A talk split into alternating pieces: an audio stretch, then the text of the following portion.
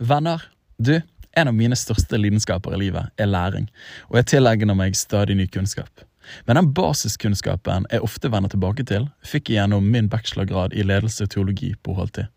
Det var viktige år som har gitt meg orienteringspunkt for min refleksjon og tjeneste i dag. Og vet du hva? Jeg anbefaler dem på det varmeste.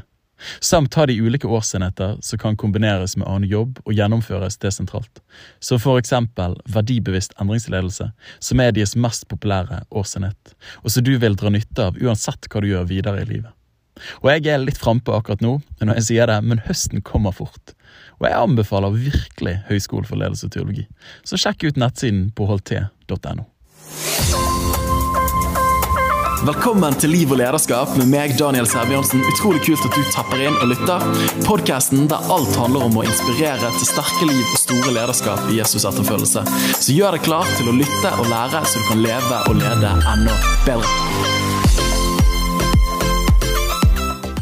Yay! Du, da er det en eh, utsøkt glede for meg å kunne få lov til å droppe en ny episode med Liv og lederskap. Jeg kjenner jeg er litt sånn dette er bare superstas, og nå er det litt sånne omstendigheter rundt det her. Men vi, vi sitter i, i, huset til meg og Helene som holder på å bli pusset opp. Skulle vært ferdig for lenge siden, så det er liksom åpent ut og stillas rundt huset, og det er skikkelig rotete her. Men min gjest tok ikke skrekken, og det er ingen annen enn Jarle Mong. Hjertelig velkommen. Tusen takk, Daniel. Gildt å se hvordan du bor, og hvordan du har det her. Ja, Det er jo ikke alle stuer du besøker der dobbeltsengene er inne i stuen. Nei, jeg føler liksom jeg har kommet inn i eh, nærmest det aller helligste med en gang her. Så du, du, eh, du skal ha for at du er du er sårbar og eksponerer menneskelighet. Det, kan jeg, eh, det syns jeg er fint. Du, Takk for det. Jeg skulle gjerne sett at det var annerledes, men, men timeplanen på tilbygget ble litt strukket ut. Men sånn er det. Men en av de mest gledelige bekjentskapene jeg har fått eh, det siste halve året, det må jo kanskje være halve året, litt mer enn det kanskje, mm. Eh, er jo deg, Jarle. Eh, jeg har vært mye på Framnes de siste fem-seks årene. Og så leste jeg i Dagen i fjor. Nei, jeg må faktisk backe litt tilbake, for nå bare tar jeg en litt sånn Dette, dette visste ikke jeg skal si. Jeg vet ikke hva jeg skal si før jeg trykker play, men, men jeg husker jeg skrev en tekst i Dagen i fjor av um, om underordning i menigheten. Da. Og jeg synes det var veldig mye svakt eksegetisk arbeid ute og gikk blant mine andre frikirkelige kollegaer av og til. Som jeg eh, synes det var litt for temperert til samtiden. Så jeg har aldri skrevet leserinnlegg dagen før. Og hadde ingen ambisjoner i mitt liv om å gjøre det, men jeg fikk liksom ånd over meg. Da. Eh, den konservative ånd. Eh, og så var det en som skrev til meg og sa at dette her var veldig bra. Og så så jeg på profilbildet at han hadde en sigar i munnen. Og så tenkte jeg, hvem er han fyren der? da? Og så er jo det deg, Jarle! Ja. Røyker du sigar til vanlig, liksom? ja, ikke til vanlig, men festlige anledninger. Det er jo for dyrt å røyke sigar til vanlig, men jeg pleier å ha noen sigarer liggende i kjøleskapet. Når, ja, når, det er helg og det er høytid, så finner vi fram sigaren. Er det sant? Ja. Du, det er du, må, du må jo komme på en sigar en kveld. Det tror jeg du hadde likt. Mamma, du må ikke høre på dette.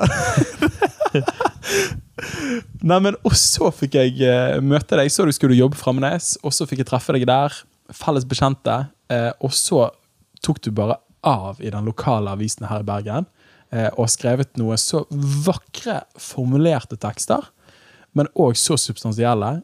og så fikk jeg møte deg, og det var vel så bra virkeligheten som på tekster. Så, så Jarle, det var utrolig kult at vi får dette til akkurat nå, altså. Det er det. Ja, utrolig gitt å bli invitert. Uh, så syns jeg jo du, du eh, det, det, var voldsomt store ord for en, for en kroppsøvingslærer fra Jæren, men, men uh, inspirerende og oppmuntrende. Og så er det jo litt sånn ditto i forhold til um, Du har jo vært mye på Framnes, og for meg er jo du en sånn uh, en av disse her uh, kjendispastorene, nærmest. Så, så det var um, utrolig gildt å, å, bli bedre kjent med deg og treffe på deg, altså. Hm. Og så vet jeg òg at uh, for, for, mange på Framnes og elevene så er du uh, en utrolig sånn viktig uh, stemme og betyr enormt mye for mange. Hm. Og det, så jeg hadde jo hørt mye om deg før jeg traff deg, av elevene. Det var så, veldig fint, da. så vi håper jo at du fortsetter å ta turen til Framnes. Altså Etter du flyttet inn der, så er jo sannsynligheten enda større. Ja, men det er godt. Så det, Jeg tenkte egentlig innledningen i dag skulle være mann med gullfoten og gullpæren. Eh, Men det, det var jo litt klisjé. Men vi trenger da å bli litt kjent med deg, Jarle. For de som ikke kjenner deg og ikke leser BT eh, eller Kristenpresten. Men, eh, men hvor ung er du? Hvor er du født? Hvor er du oppvokst? Jeg er da Jeg er jo født i Stavanger, da, men jeg er vokst opp i Egersund. Jeg er 42 år. Ja, vokste opp i en sånn klassisk uh, NLM-familie. Eh, Og så uh, var jeg veldig opptatt av fotball da, og, og flytta etter hvert til Jæren. Og, og gifta meg med ei fra Jæren, og jeg har fått fire unger. Og jeg begynte å jobbe som lærer etter hvert. Det er liksom den, Reisende. den, den, den kjappe skissen da, på hvem jeg er. og Ja. ja. Og vår felles venn Harald Hovland, jeg husker han sa til meg at Jarle Mang eh, For det første, han er en helt, men eh, han har vært veldig flink til å spille fotball. Jeg må jo bare beklage og si at jeg, jeg var på én fotballtrening i første klasse, tror jeg. eller noe sånt. Og en erindring av at jeg står ute på banen og så lurer jeg på hvorfor jeg er der. Ja. Og det så mine foreldre, og de forbarmet seg over meg. Så jeg har ikke peiling på fotball. Men du har spilt litt sånn ordentlig fotball, har ikke du? Jeg skulle jo ønske at flere foreldre gjorde som foreldrene dine. Mener du det? Ja, og redda, eh, redda folk fra folk som eh, Det er jo altfor mange som spiller fotball som aldri skulle ha spilt fotball. Eh, så det er jo bare en sånn bare i- i- innskudd. Det er jo mange små gutter og jenter som, som, som befinner seg på en fotballbane, men som skulle ha en helt annen plass. Men, men pga. ulike press og, og ting, så, så må de på en måte slite med å, å springe etter denne ballen. Um, nei, eh, Harald Hovland, han eh, Hvor flink Jeg hadde iallfall veldig god innsats. Jeg sprang mye og gjorde så godt jeg kunne. og Det er utrolig hvor, hvor du kan få til med iver og drivkraft og litt sånn ferdigheter, hadde jeg nok. Så det var Obos-ligaen. Det var Obos-ligaen, ja. Ja. Ja. Og så eh, ga du deg på grunn av at uh, du forsto at Eller hvorfor ga du deg? Nei, vi rykte, vi rykte jo ned ifra jeg, jeg, Etter hvert så spilte jeg spilte litt òg for Sandnes Ulf, og vi, vi rykte ned i 2008, vel. Rykte vi ned i Fotballsligaen. Ja. Og da hadde vi fått Elias og den andre ungen, og da ble det sånn Jeg var litt sånn mett av uh, trening hver dag, og folk tror at fotballspillere lever et fint, uh, bedagelig liv. Det er helt feil. Det var mye mer stress å være fotballspiller enn det var å, var å være lærer, f.eks. Ja, det var det. Ja. ja.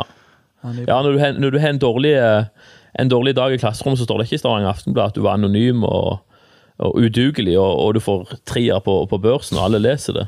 Da kan du bare gå rolig ut av klasserommet og så satse på at det blir bedre dagen etterpå. Ja. Ja. Ja, det er et fint perspektiv. ja. Så ikke bli fotballspiller. Det er det jeg trekker ut av dette. Jeg tenkte iallfall nøye om. Ja, Så bra. Send dem heller på et bibliotek og lese bøker, Mm. så det kan bli noe. Nei da, nå tøyser jeg litt. Men du, vi må ha et uh, morsomt spørsmål. Um, dette har jeg aldri spurt noen om før, men jeg måtte google. Uh, funny questions. Og det var det første som kom til meg i går. Uh, hva er What's your favorite smell? Og så tenkte jeg, det har jeg aldri tenkt på sjøl. Så dette, da bare antar jeg at kanskje ikke du har tenkt på det heller. Men hvis du skal plukke ut en lukt som en favorittlukt, hva ville det vært? Jeg syns det er veldig sånn vanskelig, men eh, jeg syns jo lukt av gjærbakst, ny, eh, nybakte boller eller skoleboller eller det, Når du kommer hjem og kjenner lukta av at kona har lagd gjærbakst, det syns jeg er fantastisk. Men jeg syns òg å gå hjem en dag eh, på en sånn sommerdag og du kjenner at den grillukta, at Ja, folk i nabolaget tok fram grillene, og det grilles rundt forbi, er eh, og nyslått gras. Det syns jeg òg gras, ja, helt, ja, det er Ja, det, er, fantastisk. det er faktisk en deilig lukt. Ja, det er nydelig. Jeg, jeg må innrømme, jeg syns faktisk gyllelukt første gang jeg kjenner det for sesongen, Ja. kan være litt sjarmerende. ja. Men, eh, men det er på grunn av at da dro vi på hytten, og da var det gyllelukt. Så det er liksom positive minner assosiert med det. Kanskje annerledes hvis man har vokst opp i Gylleland. Men lukten av strand, finnes det? Finnes det? The smell of beach. Ja. George Costanza i Seinfeld han, en, han vil jo lage en deodorant med strandlukt. Det er kanskje, det er kanskje et interessant konsept. Saltvann. Ja. Nå må jo være noe slikt. Ja. Ja. Nei, men det er så morsomt. Du, Jarle, du, du skriver bra. Eh, Du har spilt fotball, men du fortsetter å skrive bra. Um, og det er jo helt tydelig at eh, du er en etterfølger av Jesus. Du er en disippel før du er en ektemann, før du er en far, før du er en offentlig stemme. Ehm, men din etterfølgelse til Jesus Du sa at du hadde vokst opp i en NLM-familie, NLM-familie som er Norsk Luthers Misjonssamband, for de som ikke vet hva det står for. Hvordan har din vei til tro og etterfølgelse av Jesus vært? Mm. Nei, jeg, jeg tror egentlig sånn at min vei til tro egentlig nærmest begynte før jeg, jeg, jeg ble født. Så før jeg ble født, så hadde jeg foreldre som, som ba for meg, som var tilknyttet et bedehus som ba for meg. Så jeg, jeg på en måte, jeg, jeg, Så lenge jeg, jeg ikke var med bevissthet, så jeg, jeg vet ikke hvordan det er å leve uten å, Ja. å tro og kjenne Jesus. Så, så, um, så, jeg tror, jeg, så, jeg, ja, så jeg tror egentlig trosreisen begynte på en måte nesten Ja. umiddelbart. Eh, Så, så, så fort jeg kunne uttrykke ting og forstå ting, så var på en måte så var på en måte Jesus og tro en sånn sentral ingrediens i der jeg vokste opp, og, og enormt viktig for både mor mi og far min å formidla det til meg tidlig. Og, og Jesus ble på en måte en sånn eh, eh, enormt viktig tidlig i livet. Hadde sånn veldig sånn tydelig og, og sterk barnetro, eh, husker jeg. Um, så der, der starta jo den der trusreisen. og, og hjemme hos meg så var det jo Det var Øyvind Andersen og Rosenius og, og, og Bibelen, selvfølgelig, og Luther, og, og mor mi leste jo alt av Kari Vinje, og jeg, jeg fikk en sånn eh, ut, utrolig sånn mye godt å ha med meg i, i ryggsekken. Så jeg er jo enormt sånn takknemlig for den heimen og det som, det som eh, ja, mamma og pappa på en måte ja, Alt det de ba, og alt det de leste, og alt det de gjorde. og alt De dro meg med på ting. Eh, Bibelcamper, møteveke, basarer, søndagsskole, guttelag. Det var ikke alt jeg likte. Nei, nei. Enkelte leirer. eh, Det var mange ganger jeg, jeg, jeg, jeg ikke kunne fordra, men jeg ser jo nå i, i ettertid hvor Ja. viktige de tingene våre. Ja. ja Um.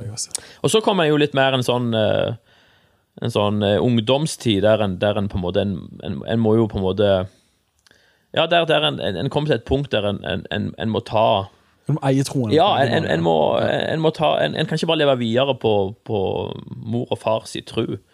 Eh, og der var en sånn eh, Men var, eh, jeg holdt alltid fast på Jesus. Jesus har alltid vært frelser, men en del av en, ja, de periodene i ungdomstid så har han nok ikke alltid vært herre i livet. Så det var en sånn eh, Ja, en, en fase der en på en måte leita litt og sleit med å navigere, kanskje. og Ehm, så det var litt sånn eh, Men der hadde jeg hele veien folk som ba for meg, og jeg var heldig å komme inn i noen veldig gode miljøer etter hvert. og Særlig når jeg flytta til Jæren og kom inn, eh, ble en del av Bedehuskirka. Det var et, et, et litt sånn særegent miljø der en, der en eh, erfarte gjerne av Ikke en typisk IMF-menighet, egentlig.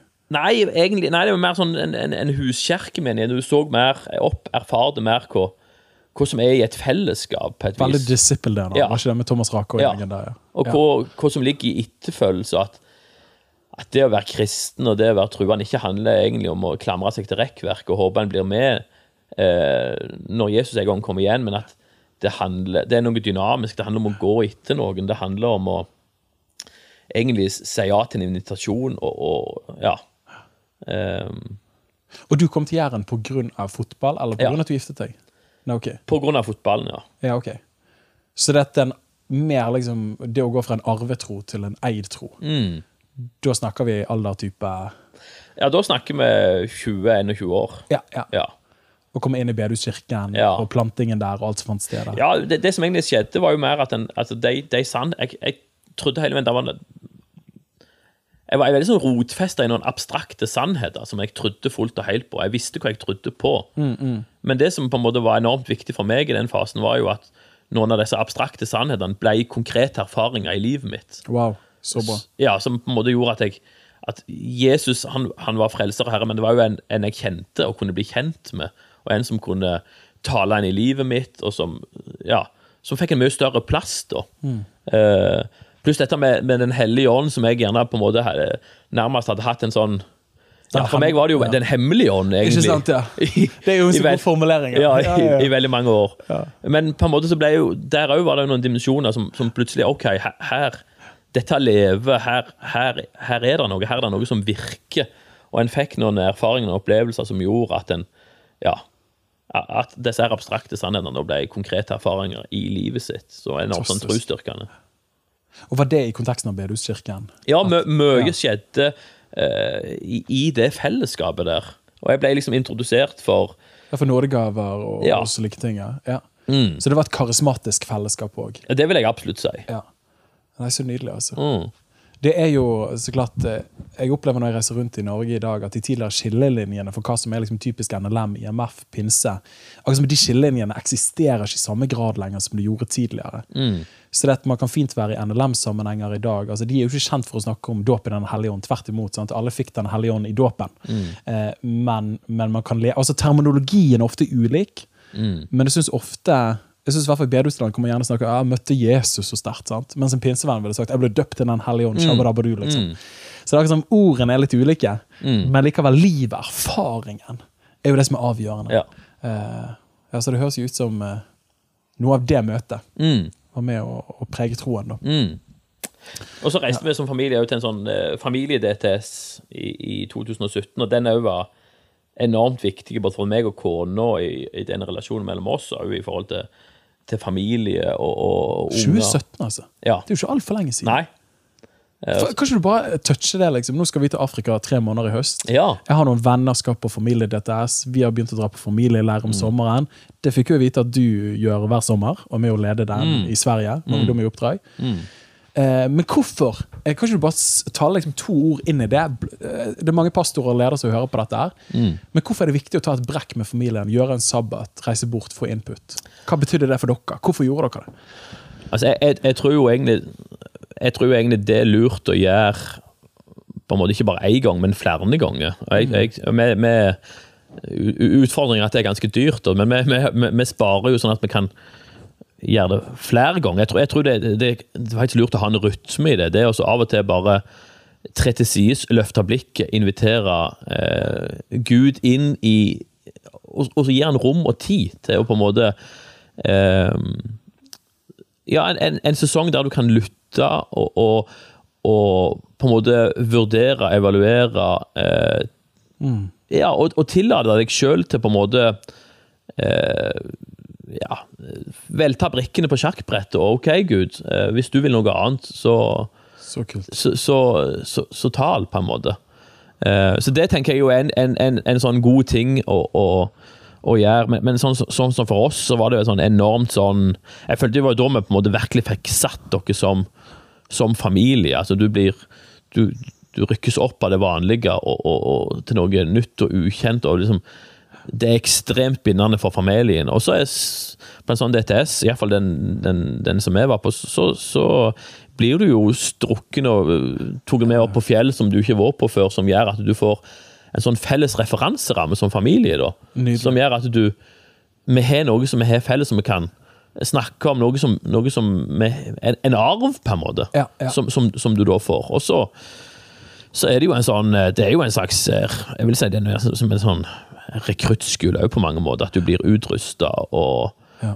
eh, og for meg og kona var det enormt viktig i forhold til Det var en del ting som falt på plass i vårt ekteskap Ja. på den familie-DTS-en. da. Så, så for oss var det et før og et etter, på et vis. Ja. Ja. Ja, Så det anbefaler jeg på det sterkeste. Du er så nydelig, altså. Mm. Så det blir jo spennende når dere skal til Ja, til. Afrika nå i høst, ja. Ja. Ja, ja. Åh, jeg håper jeg kommer hjem med samme erfaring. Ja. Det, vi satser på det. Ja, det unner jeg deg, Så, altså. det. så da tar vi pappaperm tre måneder, og så tar Helen litt ulønnet permisjon, og så besøker vi noen misjonspartnere i, i Kenya for kirken. Så det kommer til å bli konge. Eh, Jeg tror jeg er en utrolig god investering, altså. ja. Mm. At jeg, eh, ja. Nei, Min kone har et veldig hjerte for Afrika, så dette, jeg, mm. jeg bare sier 'let's go for it'. Ja. Og så tenker jeg, Vi har uansett lyst til å ha sabbat. Vi har vært gift i syv år. Den gamle jødiske modellen var at hvert syvende år så var det sabbatsår. ja. Så vi har egentlig lyst til å jobbe inn den rytmen hvert syvende år. Og og jeg tenker også kanskje egentlig oftere hvert femte år, enn noe sånt, der man tar et brekk som familie på, på to, tre, fire måneder eh, og bare gjør noe annet. Da. Så er det noe med at, eh, at livet er for kort. liksom. Altså Livet er kort, så det å bare jobbe liksom fulle år, hvis man har anledning til å, å leve litt enklere og spare litt mer penger, eh, why not, liksom? Mm. Ja. Så, men nå skal jeg ikke begynne å preke her. Men jeg, jeg kjenner eh, Jeg og min kone vi, eh, vi, satt, vi kjørte hjem fra Sogndal for en tid tilbake hos min søster som bor der. Og så begynte vi å snakke om eh, hvordan man kan navigere etter mammon eller mening. Det må jo gå opp i bokstavrim, derfor mammon. Men penger, da. ja. Altså, så mange av oss vi navigerer etter mammon, penger, kapital, og ikke mening. Mens vi ønsker heller å, å navigere våre liv ut ifra hva er meningsfullt. Mm. Og så må vi heller ved Guds nåde finne en løsning for at det er tilstrekkelig med penger til å leve til et visst nivå. At vi har, som Paulus sier i 1. Nei, 1. Timoteus 6, at du har mat og du har klær. liksom. Men han sier har du det, skal du være fornøyd. Ja. Eh, Og tak over hodet òg. ja, ja, det står ikke det, men, men, Men- helt sånn tak over hodet Ja. henger jo med i det. Ja. I hvert fall i Bergen så må du ha det. så det, regner at the moment. Ja. Nei, men jeg, åh, Dette kunne vi snakket mye inn i. Men jeg, jeg kjenner jeg blir så giret når du sier det der. For dette er noe med å Vi tror at vi må leve sånn som vi lever. Ja. Og liksom, nei, samfunnet vårt i, i den avanserte velferdsstaten, velstandsnivået er grådig høyt. Ja. Så man kan leve enklere Ja. og leve mer meningsfullt. ja. For at du er ikke en slave av, eh, av lønns... eh, Både lønn og lån. Ja. Så, så tror jeg litt sånn en, bruker enormt mye tid og krefter på å, å leve etter de overflatiske lengslene i livet, men det, de innerste lengslene den egentlig vil, det, det på en måte blir neglisjert. Så en, en, en, en, en, en, ja, en lever på en måte etter en, en, må, en må finne ut hva en egentlig lengter etter, og så må en ta valg ut ifra det. Hva, hva er det En sånn øvelse vi gjorde uh, før vi, før vi reiste på DTS, det var at jeg, jeg, jeg satte meg ned og skrev nekrolog. Altså hvis min, min nekrolog hvordan, Hva du ønsket skulle stå? Ja. Og så skrev jeg en nekrolog basert på på, en måte på mine overflatiske Ja. Eh, lengsler. da, ikke sant? Liverpool vant ligaen to ganger på rad. ikke sant? Jeg hadde et stort hus, jeg reiste, spiste det beste verden hadde å tilby. Reiste på masse ferier. Alt det der nede. Skrev du to parallelle? Så skrev jeg en sånn nekrolog basert på på de eh, overfladiske lengslene, da, ikke sant? Og, så, og så skrev jeg en nekrolog basert på Ble jo inspirert av en jesuitt som heter Jus. Han hadde gjort det, så jeg Ja. på en måte Um, Og så skrev jeg en nekrolog hva jeg egentlig lengta etter. Og det var en utrolig sånn god øvelse, for, det, for da, da får en det, da, ut, da blir på en måte ganske sånn utkrystallisert hva du egentlig, hva du egentlig vil i livet. Og det er på en måte et, Det kan hjelpe i forhold til, til, til på en måte tenk, ja, et nytt kompass på, på, på hvor ja, på, Som kan hjelpe i forhold til hva valg og, og hva en egentlig skal bruke tida si på og kreftene sine på. Da. Så jeg tror det med lengsler er viktig. Bra sagt, altså. Ja. Det er jo livsvisjonen, egentlig. Da, Ja. Start with the end in mind. Mm. Ja, Hva vil du egentlig? Så bra. Mm.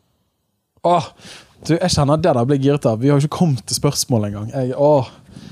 Det bare, slår meg også som pastor og som leder, men òg bare som en disippel i en, en postmoderne kontekst, at, at naboene våre, samfunnet, har et ideal for hvordan det gode liv ser ut. Mens mange av oss som prøver å etterfølge av Jesus, vi skal samtidig oppnå det målet, men så skal vi i tillegg til det oppnå målet med å være en god disippel og etterfølger av Jesus. Så det er akkurat som vi har to blinker vi hiver våre livs dartpiler på.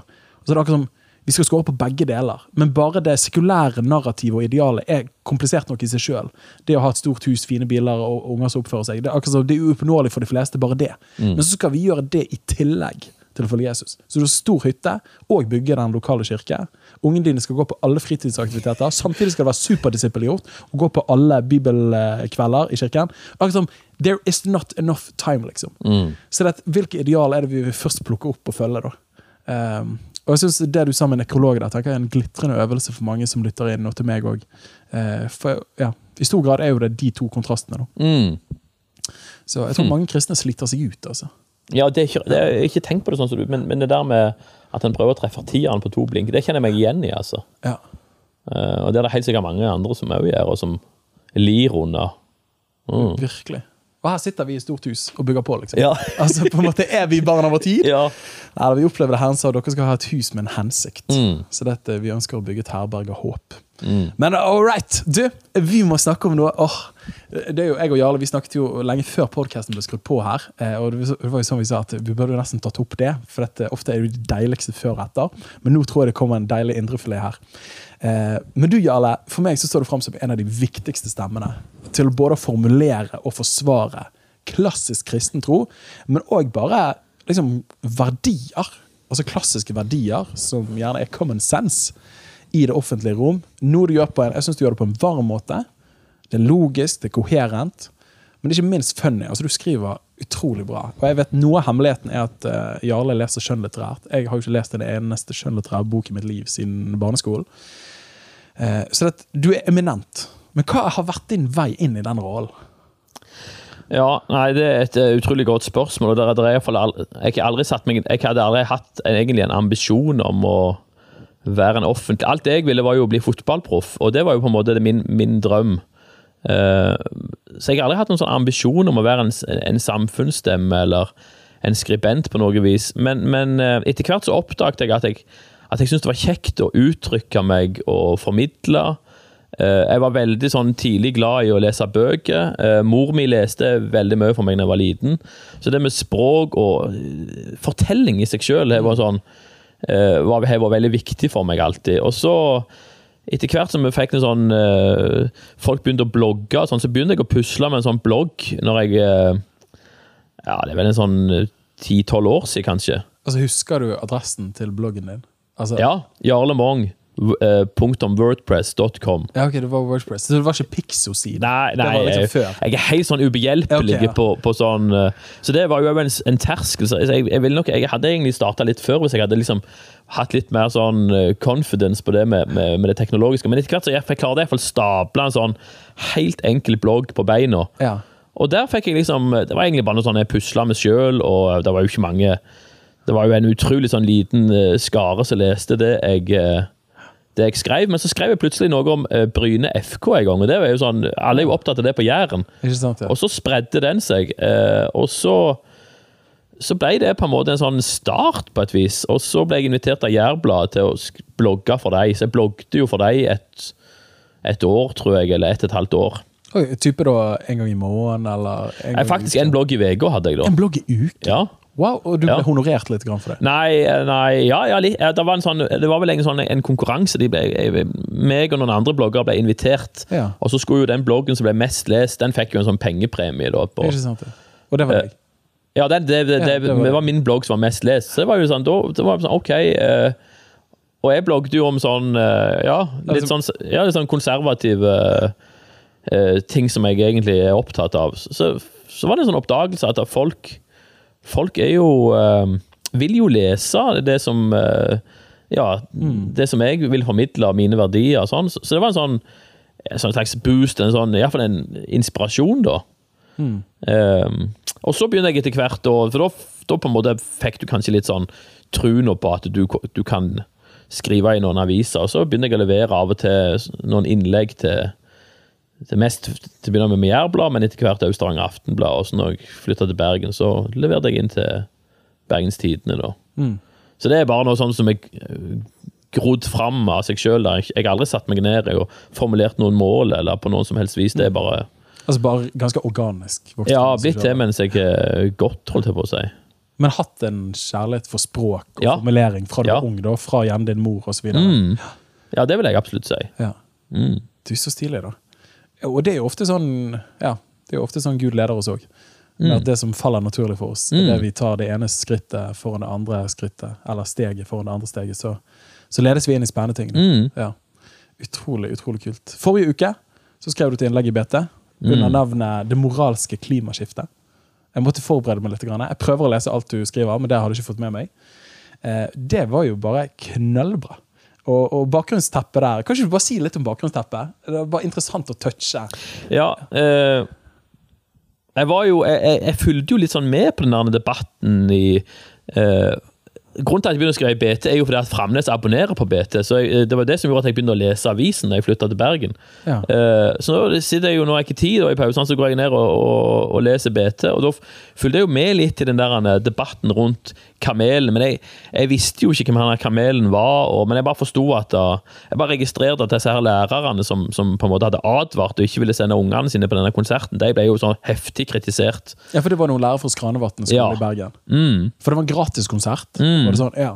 Og da blir jeg sånn automatisk nysgjerrig for, for folk som på en måte står opp og, og, og våger å øh, noe som på en måte bryter litt med, med tidsånden. og det, det, ja, de- får ofte min sympati fort. Ja. Så da ble jeg litt sånn nysgjerrig på hva dette her var. Og så var det faktisk en som skrev et innlegg, en øh, som jobbet i underholdningsbransjen, som jeg tror overskriften, altså hans, hans poeng var jo at det er ikke hva kamelen har gjort, for han er jo på en måte dømt, og det er jo en sånn forhistorie her, men det er hva han skriver som er problemet.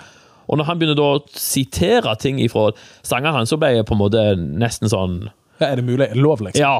ja. da ble jeg eh, sjokkert. Og da, det er jo ofte det som gjør at en at en går til tastaturet, det er fordi at en, en blir opprørt, eller at en blir provosert, eller at, at ja, En sånn trang til å på en måte ja, formidle et eller annet i, i uh, Være en motstemme til det som uh, Og, og, uh, faktisk òg forsvare de, de, lærerne som, som, fikk så mye pes. Ja. Um, så det var jo liksom, liksom bakteppet for, for hvorfor jeg satte meg ned og så skrev den, den, det innlegget, da. Jeg syns det var knallbra. Jeg synes En av formuleringene som du hadde der, eh, var at eh, når vi ikke har en common ground lenger, mm. så er det faktisk òg umulig å ha en common sense. Mm. Og, og, jeg kjenner jo de to begrepene uavhengig av hverandre tidligere, men har aldri sett de i sammenheng. Men det er jo da det virkelig gir mening. Mm. At når vi har en felles grunn, da kan du òg ha en felles fornuft. da. Mm. For at vi deler de samme premissene. Men hvis mm. ikke vi deler de samme premissene lenger, så kan ikke vi heller finne en, en felles eh, verdibase å leve ut ifra.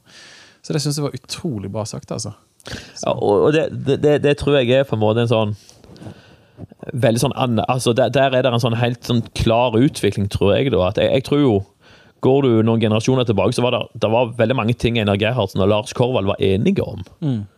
Mens det blir Går jeg nå, så det, har vi blitt så aldeles uenige om ting vi var enige om før. og da tenker jeg ikke bare sånn eh, typiske eh, kristne verdier versus sekulære verdier, men, men, men, det var mye mer sånn samstemmighet om ting. Det var en, det var en moralsk kodeks som var temmelig lik. Mm, mm. Eh, og, og, ser en på de tekstene til Kamelen, så hadde den absolutte majoritet for bare 10-15 år siden var helt enig med at det er ingenting unger skal eksponeres for. Mm, mm. Mens man i dag er på en måte ganske uenig, og der er det, jo, det er jo et skifte. Mm. Den, så, så, jeg tror jo det, det, er på en måte en sånn en nasjon som ikke på en måte har en sånn felles grunn.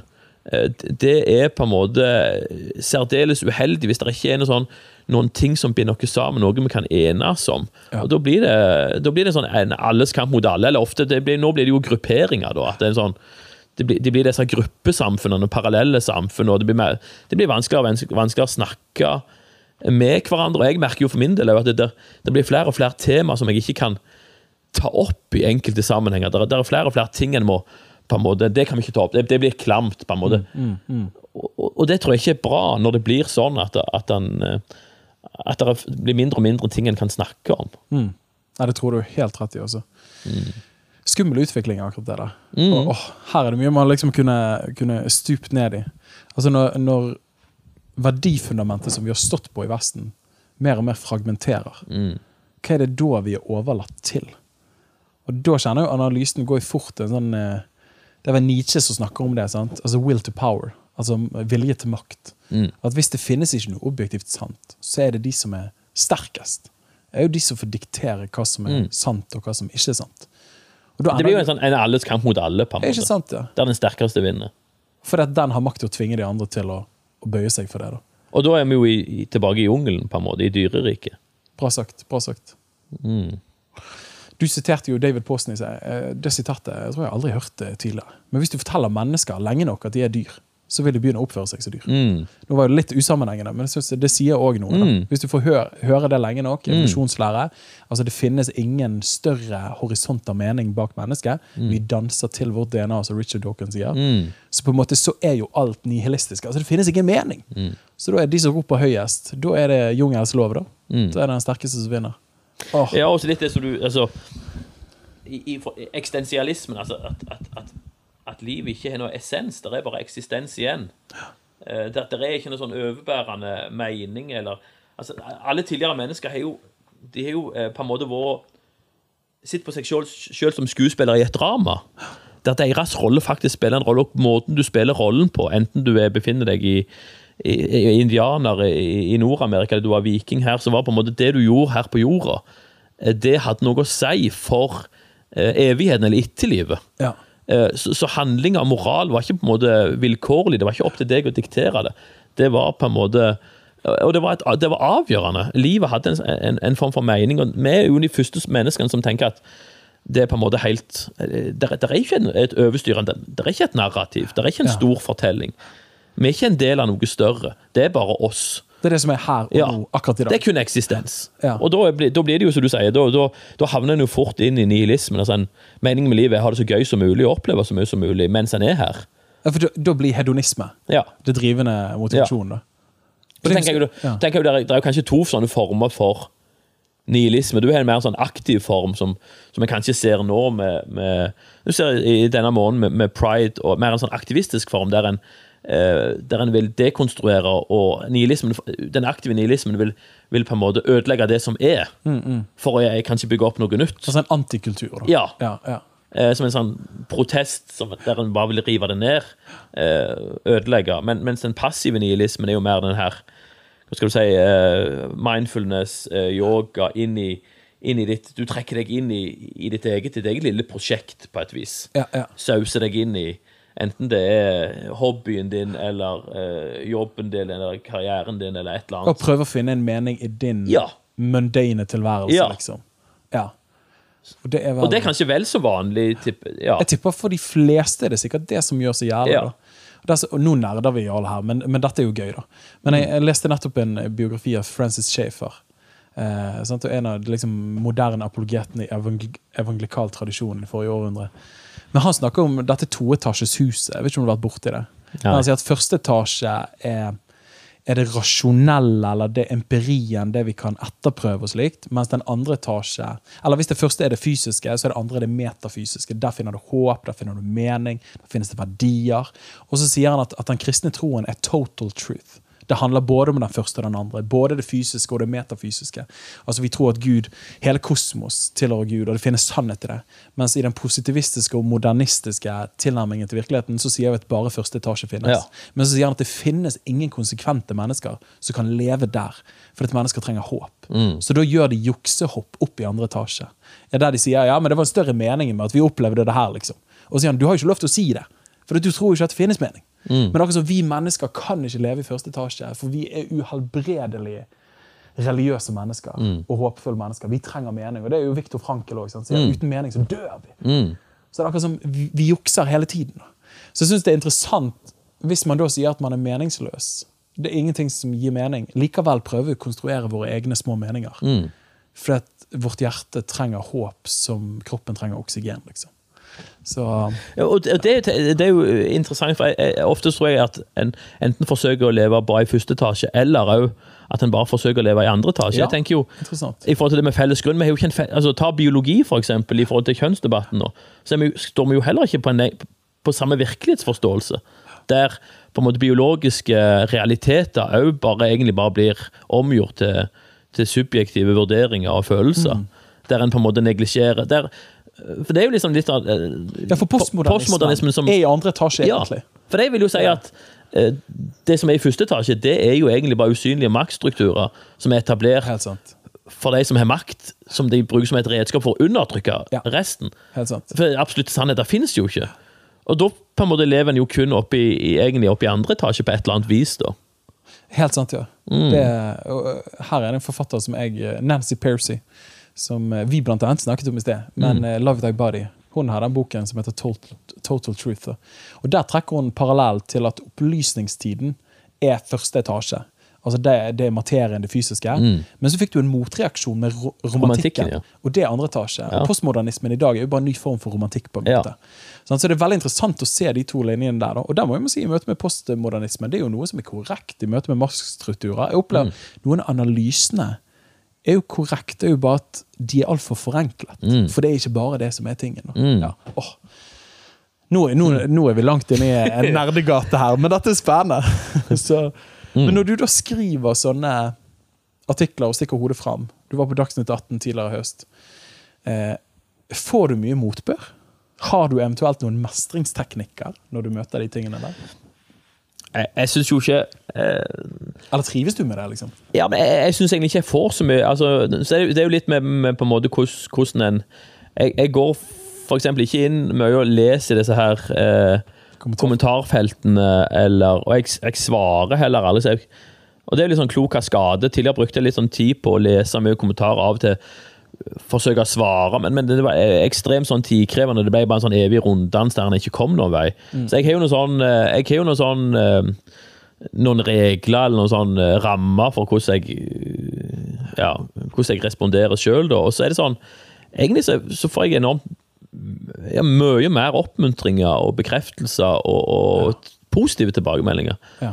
Uh, så, jeg, så, jeg, det er ikke sånn, jeg, jeg, jeg føler er sånn veldig sånn overvekt av positive tilbakemeldinger, og jeg opplever ikke at en, en får en sånn veldig motbør, og er jo sånn er veldig sånn overraska over redaksjonen i BT, der en er enormt sånn oppmuntrende i forhold til det å, å være en verdikonservativ eh, stemme, og opplever jo at de er var sånn utrolig sånn eh, Gir deg plass. Gir deg plass og rom, og virkelig genuint vil ha verdikonservative stemmer på banen. Og det syns jeg er, er all honnør, altså. Og det syns jeg er utrolig sånn oppmuntrende, egentlig, og håpefullt. Ja, for det, det var et av de spørsmålene jeg har lyst til å stille deg. Sant? Når du har stukket i hodet ditt litt mer fra Altså, Jeg stikker jo fram i kristenverden på en måte. Og det er jo for så vidt Du kan få noen uh, små slag her og der, men det er jo for så vidt ganske koselig. Det er jo en stort, uh, et stort slektstre, som regel. Vi blir alltid like snille med hverandre innenfor den slekten likevel. Men eh, når du da stikker hodet fram, opplever du at rommet er der for å hevde de klassiske kristne verdiene, som òg har vært Vestens verdier inntil de siste 50 årene. liksom. Men som du sier her, da, så er det akkurat som nesten overraskende positiv respons fra mennesker som ikke er kristne òg. Liksom.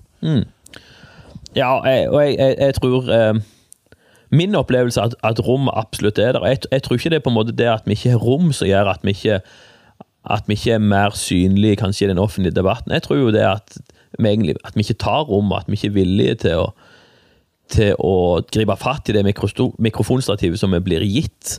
For jeg tror jo eh, Min erfaring er at rommet er der, og at, at vi faktisk blir eh, på en måte oppfordra til å være en stemme. Men, men jeg tror det er Jeg skulle ønske at enda flere tok eh, ordet eh, og, og, og ville være motstemmer. Jeg bare så noe sånn statistikk på det er jo Espen Ottosen har jo vært en sånn eh, enslig svale i, den offentlige norske debatten. Ja, dessverre. Ja, og, og han er jo eh, Men jeg så bare på antall invitasjoner han har fått fra riksmedia. Det er på en måte helt sånn på europatoppen. Eh, Mener du det? Ja, ja, ja. Så han er, er en sånn kristen, offentlig, konservativ stemme, så er han, han har ekstremt mange opptredener i radio og TV i forhold til tilsvarende i mange andre land. Så, så, så mye tyder jo på at Det er ganske mye rom i Norge. det er masse rom, og det, det er overhodet ikke sånn som i Sverige, det jeg hører derifra. Så, så, så jeg tror rommet er der, men jeg, jeg tror jo eh, vi må, vi må være frimodige og så, og så ta det rommet som, som, som er der. Ja, for dette er et spennende spørsmål. Jeg opplever at noe av, av min egen reise altså Man opplevde i ung alder at, at man hadde et kall til forkynnelse. Og så forsto man at ok, vi skal utruste de hellige innenfor menigheten. Kjempeviktig. Men så forstår man òg at, eh, at det kristne budskapet trenger Det er ikke bare gode nyheter internt, men mest av alt så trenger det å være gode nyheter utenfor der òg. Eh, ah, hvordan skal jeg formulere det her? Jeg tror en tilbøyelighet innenfor en del av kristenheten er å tenke ok, vi forkynner loven, eller vi forkynner evangeliet, vi forkynner den kristne lære innenfor kirkens fire vegger. Og så håper vi at det går greit med samfunnet der ute, så er vi litt lys og salt. da. Men så, når jeg da leser reformatorene, som sier at ok, men det finnes tre bruk i møte med loven. Sant? Ok, du, har den, du har den pedagogiske, som er med å lede deg til Kristus i møte med loven. Den didaktiske, som er med å, å vise deg hvordan du skal leve etter du følger Jesus. Men den første bruken av loven, som Calvin og Luther snakket om, var jo den sivile, borgerlige. At han var med å opplyse samfunnet om hvordan det var godt å organisere et samfunn. Da blir jo litt, det er jo litt større spørsmål, da. Men er det viktig at vi kristne er med å løfte den kristne stemmen i det offentlige rom? For mer enn å bare bevare gruppen vår sine rettigheter, men faktisk å kunne få lov til å være salt der ute. Da. Hva tenker du om det? det Ja, nei, jeg, jeg, jeg tror det er helt sånn essensielt. Jeg tror vi i altfor stor grad har bare akseptert eh, på en måte samfunnet sin sin, sin på en måte et, et slags eh, krav om at vi skal privatisere trua vår. Jeg tror det er fatalt hvis vi aksepterer, aksepterer det kravet, for, for, for den, den kristne tro har vært offentlig ifra altså Det er jo det første som skjer etter de har fått Den hellige ånd, det er at de, det er på gata og torget og på, på tempelplassen. Wow, Eh, sagt, altså. så, så jeg er jo eh, Jeg er jo enormt for å offentliggjøre trua. Eh, At det blir noe som er som som også taler ut og lever ut i offentligheten. Og jeg tror jo sånn som I Norge er vi sånn enormt rik arv. Var det noen som virkelig påvirka samfunnet, eh, både økonomien, eh, helse, utdannelse Alle egentlig samfunnssfærer, så var det jo haugianerne som, som virkelig eh, På Stortinget i forhold til det å være med og, og påvirke i forhold til lovgivning og politikk, og, og, og egentlig mer sånn et helhetsperspektiv på, på, på li, eh, innenfor alle livets sfærer. Ja. så der tror jeg det er en arv og noen sånn uh, gjengrodde stier som vi er nødt til å trø opp igjen, da. Ja. Uh, så det tenker jeg er en sånn enormt stor eh, og viktig utfordring for oss i vår tid. Men tror du altså, Jeg kjenner jeg blir sånn overrasket av og til når jeg leser nå, Dette er jo en, en nisjenerdete ting. Men jeg syns det er gøy å lese typer liksom, om, om de som var med å pionere bedehusbevegelsen. Du har typer liksom, Johannes Lavik og, og disse folkene her. Men de var jo stortingsrepresentanter, mange av de i tillegg. Mm. sånn, og så var de jo lokale ordførere av og til. Og så startet de misjonsorganisasjoner. Det var sånn bredden av engasjement. Det var så mye mer enn bare bedehuset. Altså, hvor tror du vi Jeg vet ikke om, det har jeg aldri tenkt noe særlig på, men, men hvor falt vi av, liksom? Ja, det, måte, og hvorfor? Hva tror du er en av grunnene til at vi på en måte har falt av? ja, det er et utrolig godt spørsmål, egentlig. Jeg tror det er jo, det er jo litt sånn Jeg tror jo egentlig sånn Hele historien er jo prega av fornyelse og forfall, på mange sett og vis. Og, når, når Hans Nilsen Hauge i sin tid eh, på en måte fikk sitt kall, så var jo det inn i et Norge som Den snakket om potetprestene og rasjonalismen. Og det, var jo ei tid som egentlig kan, kan sammenlignes med, med vår tid. Så jeg tror jo jeg tror jo litt sånn at, at forfallet er noe som kommer helt av seg sjøl. Ja, ja, det er tyngende kraft. Ja. Ja. Så, eh, helt liksom i et ekteskap. Hvis en, hvis en, hvis en ikke gjør noe aktivt, så kommer forfallet. Ja. Og det tror jeg kanskje er på en måte at, at vi har ja, En har lent seg kanskje for mye på de strukturene en, en allerede har hatt. Mm. På den arven som vi har på en måte fått uh, forvalta videre. Men, mens en bare, egentlig bare lent seg over passiv. Men den der pioneren er på et eller annet vis forsvunnet, for den er, en, en er blitt for passiv. da. Ja. Så jeg tror jo en men så tenker jeg jo at den aktiviteten kommer altså, vi, vi trenger jo å bli fulgt av Den hellige ånd. Vi trenger å, å ehm, Vi trenger at, at ånden åpenbarer og, og, og, og, og fyller oss på ny, sånn at vi blir frimodige. Altså, det er jo der Vi trenger liksom å bli fornya. Det, det er jeg, jeg, var på, jeg var på møte med den eh, vekkelsen på Vigeland. Ja, Får du den? Ja. Eh, og det var uh, Men der, der han, han Robertsen, han Arthur Robertsen, han sa en ting som jeg beit meg merke i, som jeg tror er en sånn Kanskje for vår tid, og han sa det at uh, vi må lukke vinduene, og så må vi fyre opp jorden på ny. Og det tror jeg er en sånn det tror jeg, i, i forhold til Hvis ting, hvis ting skal skje, så må vi, vi må fyre opp. Og, og så litt hans poeng var at vi har, vinduene står på vidt gap, så det er altfor mye sunn som vi blir eksponert for, og, og dårlig innflytelse som, som vi på en måte ubevisst tar inn, uten at vi vet det, på en måte for bedøve oss, svekke oss, Øh, øh, sånn at, at vi blir passive, da. ja. Så jeg ser jo på det Ja, eh, det var liksom litt av den kjernen jeg tok med meg fra det møtet der. Og det var en sånn Det var et ord som, som jeg tar med meg videre, at der tror jeg det er kanskje en nøkkel i forhold til det at Ja. Til, til, for jeg tror jo en vekkelse altså Vekkelse er jo på en måte Da, blir, da skjer det masse ting, men, men vekkelse er jo noe som også preger samfunn og nasjoner. Ja, ja. Eh, Så det er jo en- en frukt av at Jesus gjør noe, at vi blir fornya. Da vil på en måte det, dette andre på en måte, Det vil på en måte jeg, ja, være et produkt, Ja, en frukt, av, av, det, av, ja, av det Gud gjør, da. ja. Mm. Veldig interessant, altså. Veldig interessant. Ha. Hm. Så det begynner med den personlige fornyelsen. Mm, jeg tror det. Ja. Så sånn, det, det var jo sånn det begynte med Hauge. Ja, ja. Det var en mann, en, en, en unge gutt alene på en åger. Så det begynte jo helt i det små, på en måte. Mm. Ja, jeg, jeg merker jo tilbøyeligheten for meg og for mange andre av oss er at vi kan sitte i sofaene våre, vi kan sitte i kirkene våre, og så gjør vi kulturanalyser.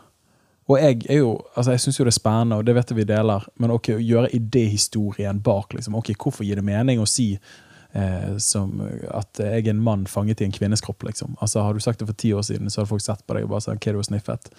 Mens i dag så sier du det, så er det bare sånn ja, oi, men dette gir jo mening. Så det er akkurat som hva er på en måte Hvorfor er det plausibelt å si det? Eh, hva er plausibilitetsstrukturene bak det? Og liksom gå tilbake. Det er akkurat som man kan nerde på disse tingene. Mm. Og jeg husker jeg slo meg en gang eh, når jeg leste eh, Esekiel 37, det står om de døde bein i dalen. da. Så det er akkurat som du kan Vi kan analysere og dissekere så lenge vi vil, men det kommer ikke til å reise de beina og gjøre de om til denne her igjen. Men du må begynne å profetere, og du må begynne å revitalisere. Mm. Altså vi trenger, sånn som du, Jeg synes du sa det bra, men det er bare sånn her la oss bare, Det handler om det. Bli fylt av Den hellige ånd på nytt. Mm. Mm. Og, og du sier Hauge nå, sant? det leder til nasjonal. Vi vil ha fruktene, men hva var røttene? Mm. Røttene var jo at mennesker møtte Jesus, vendte seg om fra synd, ble fylt av Den hellige ånd. Mm. Og så ble det personlig oppvekkelse. Når det skjer med 1, 10, 15, 100, 1000, så blir det på sikt så blir det et forandret samfunn. Mm. Ja. Nei, jeg bare kjenner, nå, nå tenker jeg bare høyt for min egen del, men jeg, bare, jeg tror så mange av oss kristne ledere og kristne vi forbanner mørket. Mm. Uten å forstå at svaret er jo ikke å forbanne mørket. Svaret er jo bare fyre i peisen, så du sier. Mm. Få lyset til å skinne enda mer. Jeg tror hjertene må forandres før vi kan forandre samfunnet. Ja. Så må hjertene forandres først. Altså, du kan ikke gjøre det i motsatt rekkefølge. Nei. Mm. Ja. Ser du noen håp? Nå er du ungdomssko- eller videregående lærer. Mm. Men ser du òg noen håp i denne tiden? Altså En ting er på en måte å sitte fingeren på det som ikke funker. Det er jo på en måte overveldende. Mm. Men hva er noen trekker håp? Ja, nå Uh Nei, jeg, der, jeg tenker det er, er masse av håp og, og, eh, og lys og, og, alt dette her. Jeg, eh, nå har vi nettopp sendt av gårde elevene. Mm. Så det, den siste uka har vært latter og tårer og lykkeønskninger. Og, men noe av det som gjør meg, gjør meg veldig håpefull, det er jo det å få jobbe med, med ungdommer. Eh, og, og ja, de som, de som, de som går ut av, av eh, Som er sendt ut fra Framnes i år, det er Ja, det fyller meg med enormt håp, altså Ja, det gjør, ja. fantastiske ungdommer eh, med en sånn sult eh, og med en sånn frimodighet eh, og med, med, med så mye mot. Ja. Eh, så mm, Nei, jeg, jeg, jeg, jeg, er liksom jeg, fornemmer at det skjer noe med den, med den oppvoksende med, med neste generasjon, da. Eh, så jeg tenker jo det, det å få være med og så heie dem fram, og, og, og kanskje på en måte gi, veilede dem litt, eh, og, og bekrefte dem, og, og hjelpe dem i forhold til retning og valg og sånne ting, det er, det er utrolig sånn eh, inspirerende. Og så, så tror jeg òg at den tida vi lever i, når litt sånn som det vi snakket om, når vi ikke har en sånn felles Kontrastene blir enormt mye sterkere.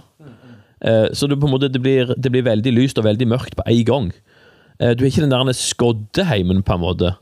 Eh, Og det tror jeg på en måte, det er enormt store muligheter i. At, at, er, at, at mange flere blir stilt på valg, og, en, og, en måte, og valgmulighetene blir veldig Altså eh, Ja, valgene blir mye tydeligere, da. Eh, så jeg tenker jo at den tida vi lever i, altså, det har jo aldri vært bedre rammer for å være lys og salt. Eh, når, når tidene er sånn som de er. Som, så, så det, det å på en måte lufte fram de kristne verdiene, eh, det kristne virkelighetsbildet, Jesus, eh, nåden, tilgivelse og frelse, det er på en måte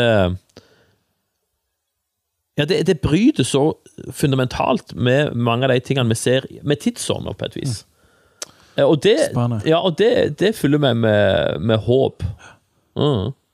Så jeg, jeg tror, det, jeg tror det, det, det, det kan godt være at det blir ei det blir ei, ei tøff tid, men jeg tror det blir vi, vi går, at, at vi, Mitt håp er at det blir ei inn, innhøstingstid. Come on. Ja. Come on. Sånn som vi ser på Vigeland. Yes, Der yes. masse bønnebarn kommer hjem. Ja. Ah, come on, altså. Mm. Det er et nydelig perspektiv, det der. For det er jo, altså det er jo litt sånn er glasset halvfullt eller uh, halvtomt. Mm. Men idet det blir mørkt, så blir jo òg lyset Kontrasten blir mye sterkere. Mm. Jeg vil jo tro at mye av Norges historie er jo mye sånn kvasikristendom. Mye nominell kristendom. Så at du får ikke kontrastene.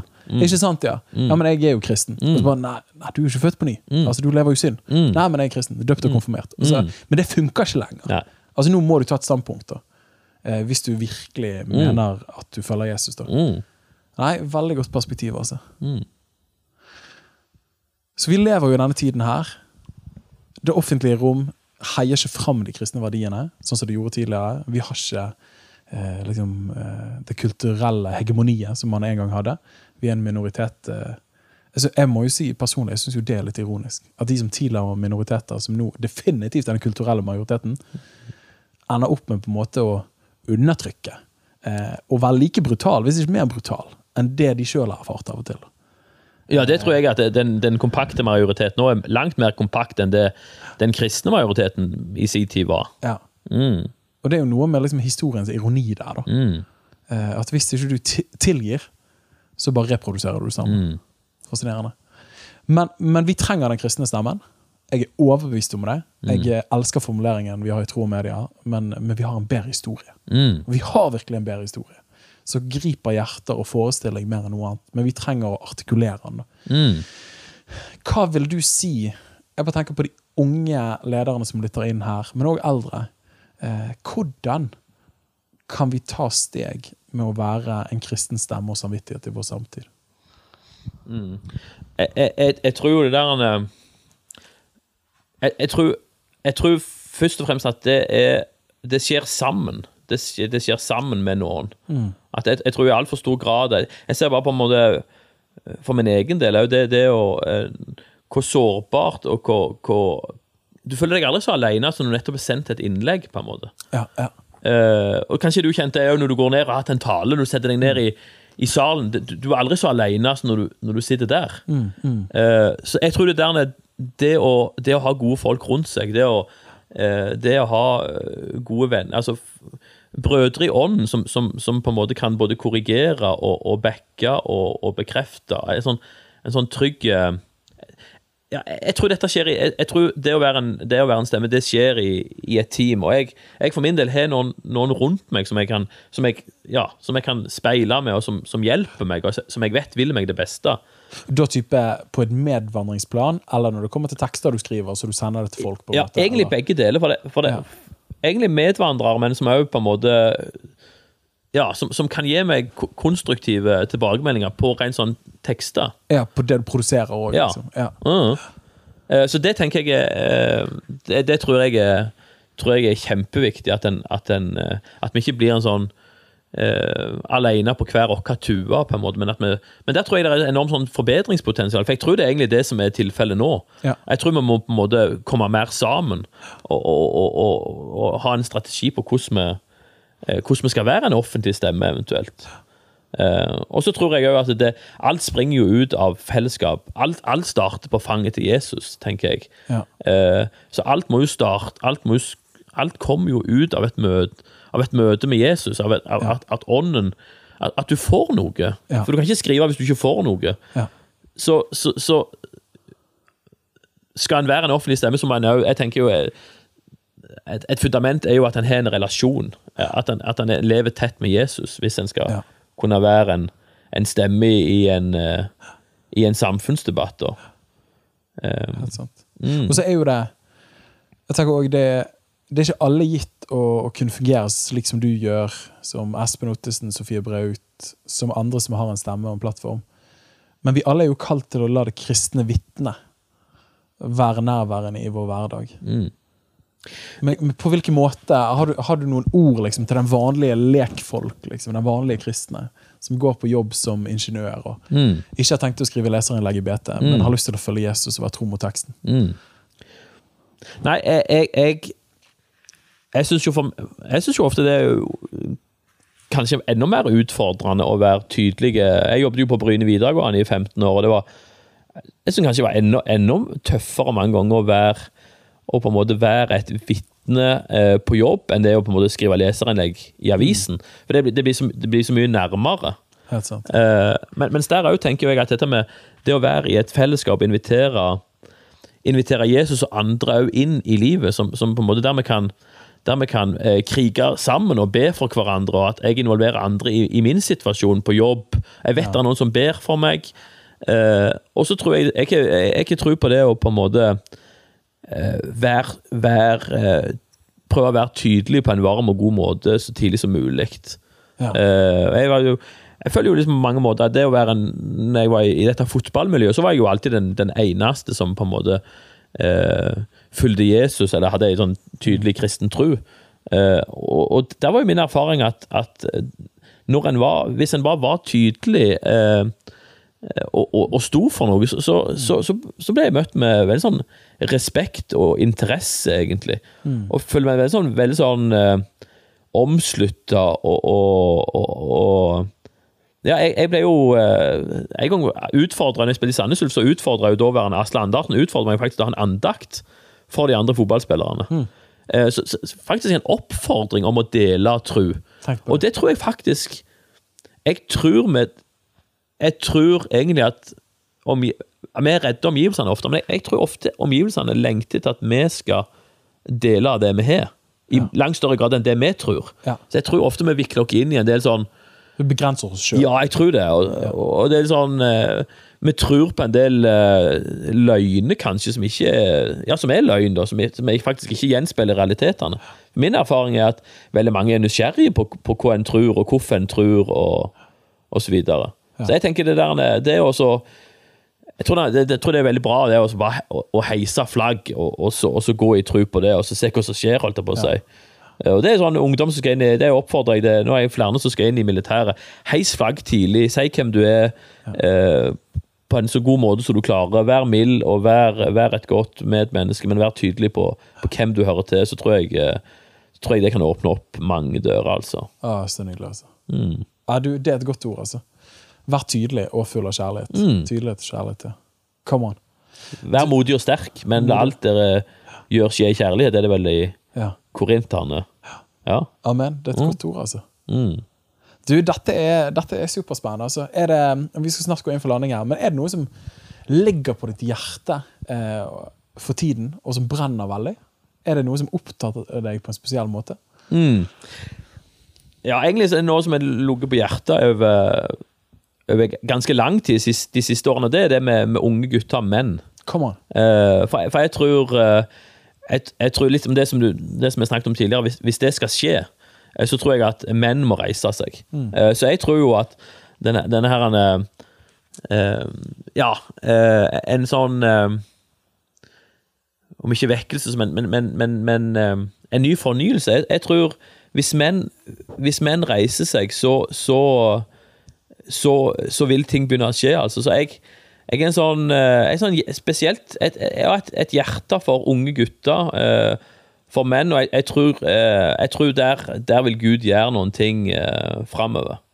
Eh, og der òg tror jeg det er noen sånn enormt sterke krefter eh, i tidsånden og i samfunnet som hele veien på en måte eh, forteller unge menn og, og, og voksne menn masse løgner som, som en er begynt å tro på. Jeg tror den der han er, jeg ser på nesten det som en slags sånn svanesang for, for vår generasjon. eh, Bjørn Eidsvåg sang, men jeg kan ikke fordra den sangen. Men, men jeg er bare en mann som gjør så godt, han, som gjør så godt jeg kan. Ja. Men jeg får det ikke til. Det er bare sånn, det er en slags resignasjonsånd som mange har på en måte akseptert som en sannhet, men som er utrolig sånn bedøvende og drepende, eh, som jeg tror at vi- det må vi fri oss ifra. Og så må vi, så må vi ta fatt i den stafettpinnen og den arven og det på en måte forvalteransvaret som vi har fått. Interessant det der, altså. Mm.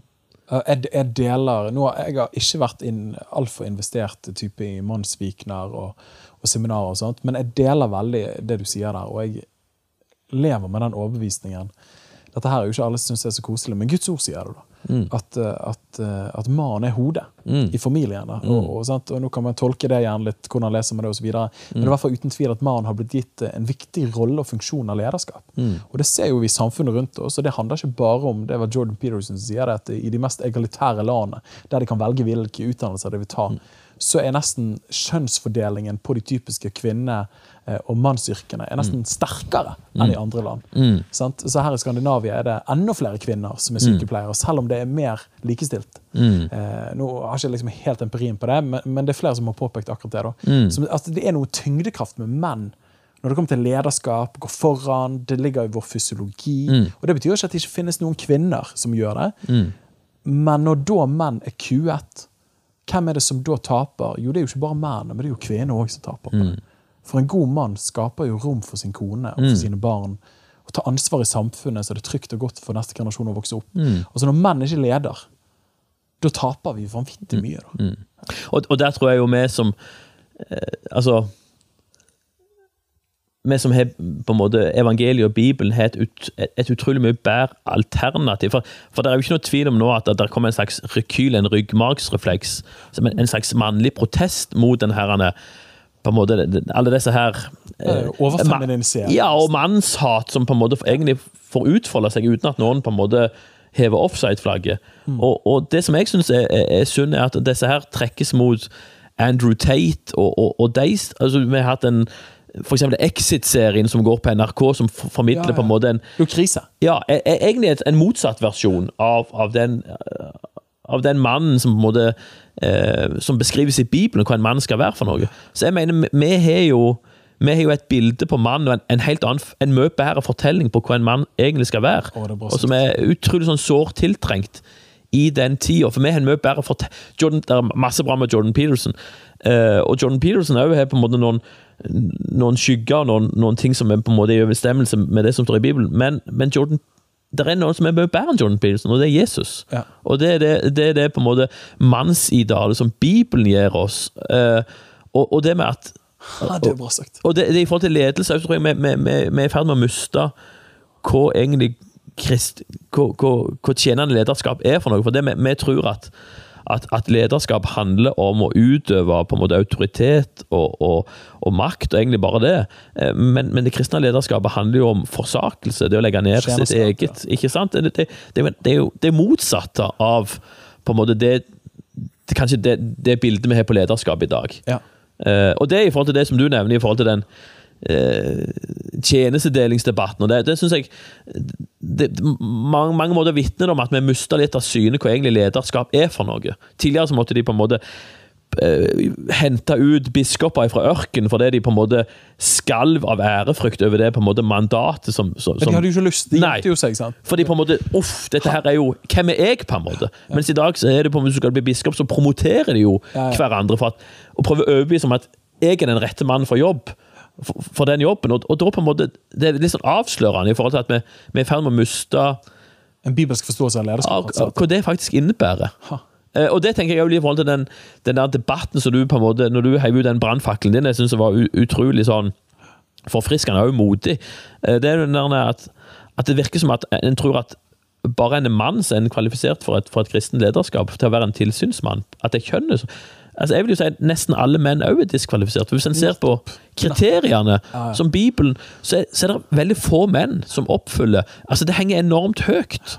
Så det, det er ikke bare kvinner som er på en måte Som er utelukka fra den ene funksjonen, men nesten alle menn òg. Jeg, jeg vil jo påstå det at jeg tror faktisk at det er mange forsamlinger der de mennene ikke er, og da tror jeg ikke det er rett å opprette et eldsteråd. Da er det, det rette er å begynne å be om at Gud skal reise opp ledere, ja. men som kan bli tilsynsmenn på sikt, så vi får et, vi får et eh, noen eldste eller noen gode tilsynsmenn. da.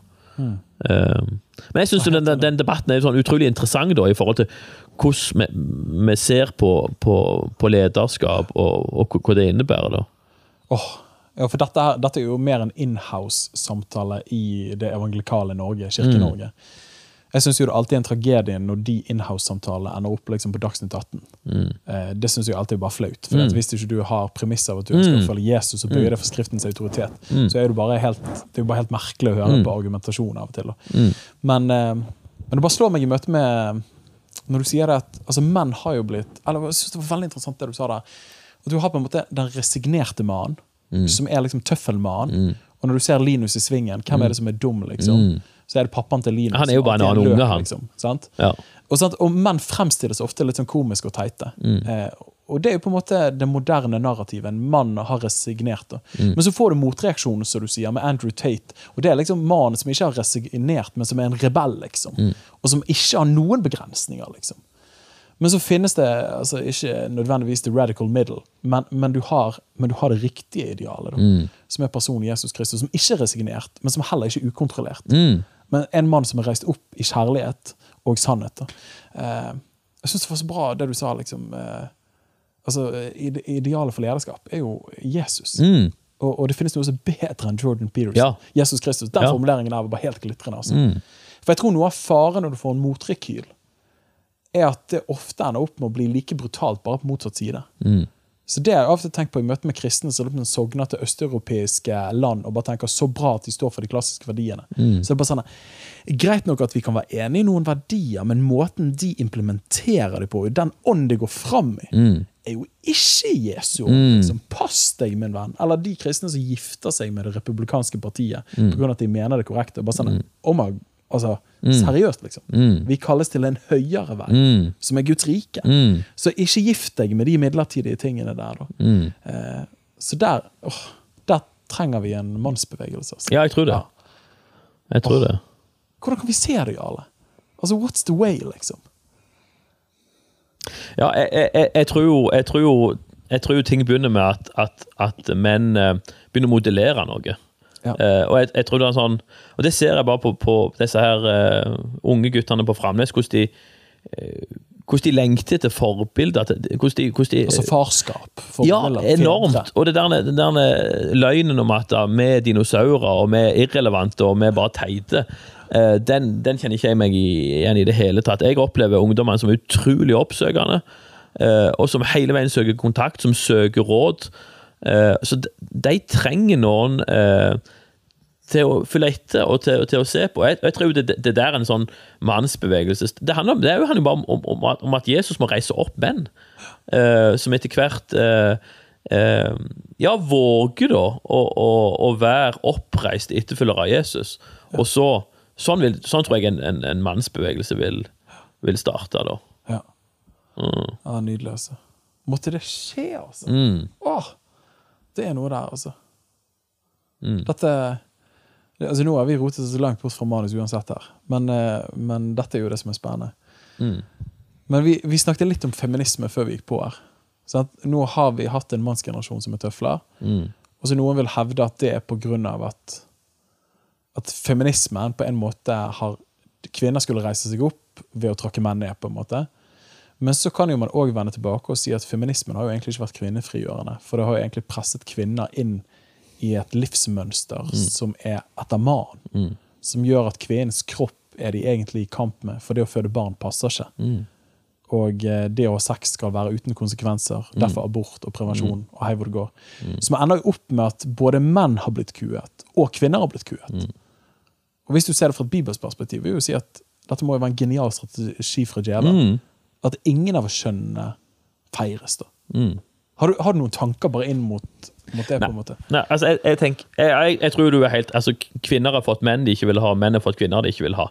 Uh, så på en måte eh, så en, en, en står liksom litt sånn ribba tilbake igjen og desillusjonert. Og en, en, en, en, en kan jo se egentlig på en måte allerede konsekvensen av det i dag, i forhold til uh, vi, vi har alt av velferd og alt vi kan ønske oss egentlig, men, men, men det, er jo mange som i forhold til psykiske lidelser, og, og vi står i ting, og vi er travle, og vi, vi, vet liksom ikke helt uh, uh, Vi er kanskje mer forvirra enn vi noen gang har vært, kanskje. Eh, så jeg, jeg, og, men, men det som jeg tror er på en måte litt av det som vi går, glipp altså det, Nesten det verste, da, det er jo den der Jeg, jeg tror jo kjønnspolaritet polaritet er Det er ikke noe sosial konstruksjon, men det er guddommelig intensjon.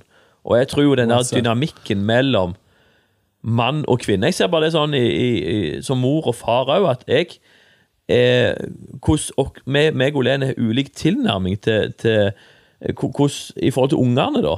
Og at, at, vi, at, at maskulin kjærlighet ser annerledes ut enn en, en feminin kjærlighet. Og det var jeg heldigvis å erfare eh, fra da jeg vokste opp. Eh, for både min, min mor eh, eh, uttrykte en veldig sånn flott feminin Affeksjon. Ja. Det var alltid, uh, Uansett hvor dårlig jeg hadde spilt, så syntes alltid mor mi jeg hadde vært best. Så det var en sånn uh, Det var sånn ubetinga Det var alltid et fang. Det var, alltid, det var, det var en sånn eh, Uansett hvor dårlig karakter jeg hadde fått, så var det Ja, men du gjorde så godt du kunne, Jarle. Det var en sånn eh, ømhet, på en måte. Eh, samtidig som, som, som uh, min far hadde en, en, en annen tilnærming. Jeg visste at han var, at han, at han var glad i meg, og, og, og, men, men samtidig så var han sånn han utfordra meg. Han, han, han oppfordra meg til å pushe lenger. Han tok meg med ut på eventyr. Han, og den, hvis vi Yes. går glipp av den dynamikken Yes. der eh, Jeg husker spesielt en gang jeg hadde Jeg hadde blitt banket opp av ei, av ei jente. Jeg, var, eh, jeg lurer på om jeg var fem eller seks år. Oi. Og jeg hadde rett og slett fått juling. Såpass? Ja. Eh, vi hadde sånn, den, det var sånn et veikryss der vi, vi samles med unger. Altså, og da var det, det var jo før alle de her antimobbekampanjene, og foreldrene hadde kontroll på alt. Så vi fakt, fikk faktisk leke fritt. Og der havnet jeg i en slåsskamp, og det var sånn ring rundt, og vi heia. Og jeg, jeg fikk rett og slett uh, jeg, jeg sprang grinende hjem. Hun klorde og reiv meg i håret. Jeg var helt i sjokk over at folk kunne være så stygge. Uh, og jeg kom hjem, og, og, jeg, og mamma ikke sant, trøsta meg, og jeg satt på fanget, og, og, jeg fikk trøst, og alt dette her. Eh, mens Farmen holdt seg litt sånn i bakgrunnen. Uh, og så når, når på en måte jeg hadde slutta å grine, sånn, så, så uh, tok Farmen meg litt sånn til sides. Og så, og far min er politi. Så det han gjorde, han sa det at han, når du kommer hit til krysset neste gang, så vil det samme skje igjen. For de storkoser seg nå. Nå ler alle for Jarle, du sprang jo grinende hjem. Og Det var ingen sånn fordømmelse, ingen sånn skam og skyld han planta i meg. Men det han gjorde, det var at han, han, han viste meg noen enkle grep jeg kunne gjøre for å forsvare meg når dette ville oppskje. For hun, hun som banket meg, er en storebror som han, han visste han kommer til å sørge for at dette skjer igjen ganske kjapt. Eh, og da på en måte utrusta han meg, sånn at neste gang når jeg kom hit i krysset neste gang, så skjedde jo akkurat det farmen hadde sagt. Det, ja. Det ble liksom eh, rigga til slåsskamp, og så klarte jeg å gjøre Å forsvare meg. Og så ble det et helt annet utfall. Eh, og jeg husker, jeg husker jo Da var det faktisk Det var rett på siden fotball. Det var faktisk lukten av nyslått gress. Ja, var det det? Ja. Det er derfor han er og, og det min, Skjønner du, bare var fem-seks år, så sitter det spikra. For, for meg var det en slags portalopplevelse. Jeg gikk gjennom en portal ett skritt nærmere Ja. og bli en, en mann. Ja. Og, det, og, det, og det skjedde fordi jeg hadde en far som, som, som på en måte uttrykte og, og Og- modellerte maskulin kjærlighet. Og hvis mor mi, sånn som, sånn som mødre gjør i dag, hadde hevet seg på telefonen og ringt hit til mor til hun som hadde banket meg opp og sagt at Jarle er lei seg, det her må vi ta med voksne, det hadde aldri faren min tillatt. Nei. Men hvor er de fedrene i dag? Det, og det, tror jeg er kjempealvorlig. En, en går glipp av den der. Det var bare ett eksempel. Ja. Men det, det, det illustrerer den der dynamikken mellom det maskuline og det feminine i en familie, som jeg tror er enormt eh, fruktbart og dynamisk og viktig. Og jeg tror det er på en måte det det, det, er det Gud har lagt ned. Det er hans intensjon med, med familien, med ekteskap. og det, det er på en måte Og menigheten. ikke ja, der, der er det liv. Og, og, og det å dekonstruere det, og, og si at det ikke er forskjeller og på en måte, Det er ett fett om en er mor og far, eller om en er mor og medmor, eller far og medfar. Ja, det er for meg helt sånn Ja. Det er totalt Det det det er mange mange meter i offside, altså. Nydelig begrep med offside. Ingen dro off, eh, offside-flagget. Mm. Da har du spilt fotball. Det er ikke en sosial konstruksjon, men en guddommelig intensjon. Come on, bro. That's quotable, man. Mm. Du, det er godt sagt. Åh, måtte vi se en manns vekkelse. Den bønnen Mm. La oss be for det. Mm. Ja, den tar jeg med, tar med meg også.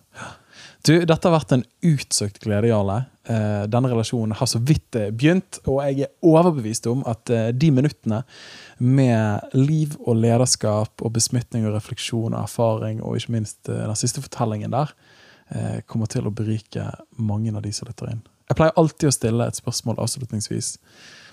Og det er bare for å gi anledningen til å liksom gi noe av det siste gullet. Men hva ville vært ditt fremste råd til lytterne for å hjelpe dem til sterkere liv og større lederskap i etterfølgelsen av Jesus Kristus?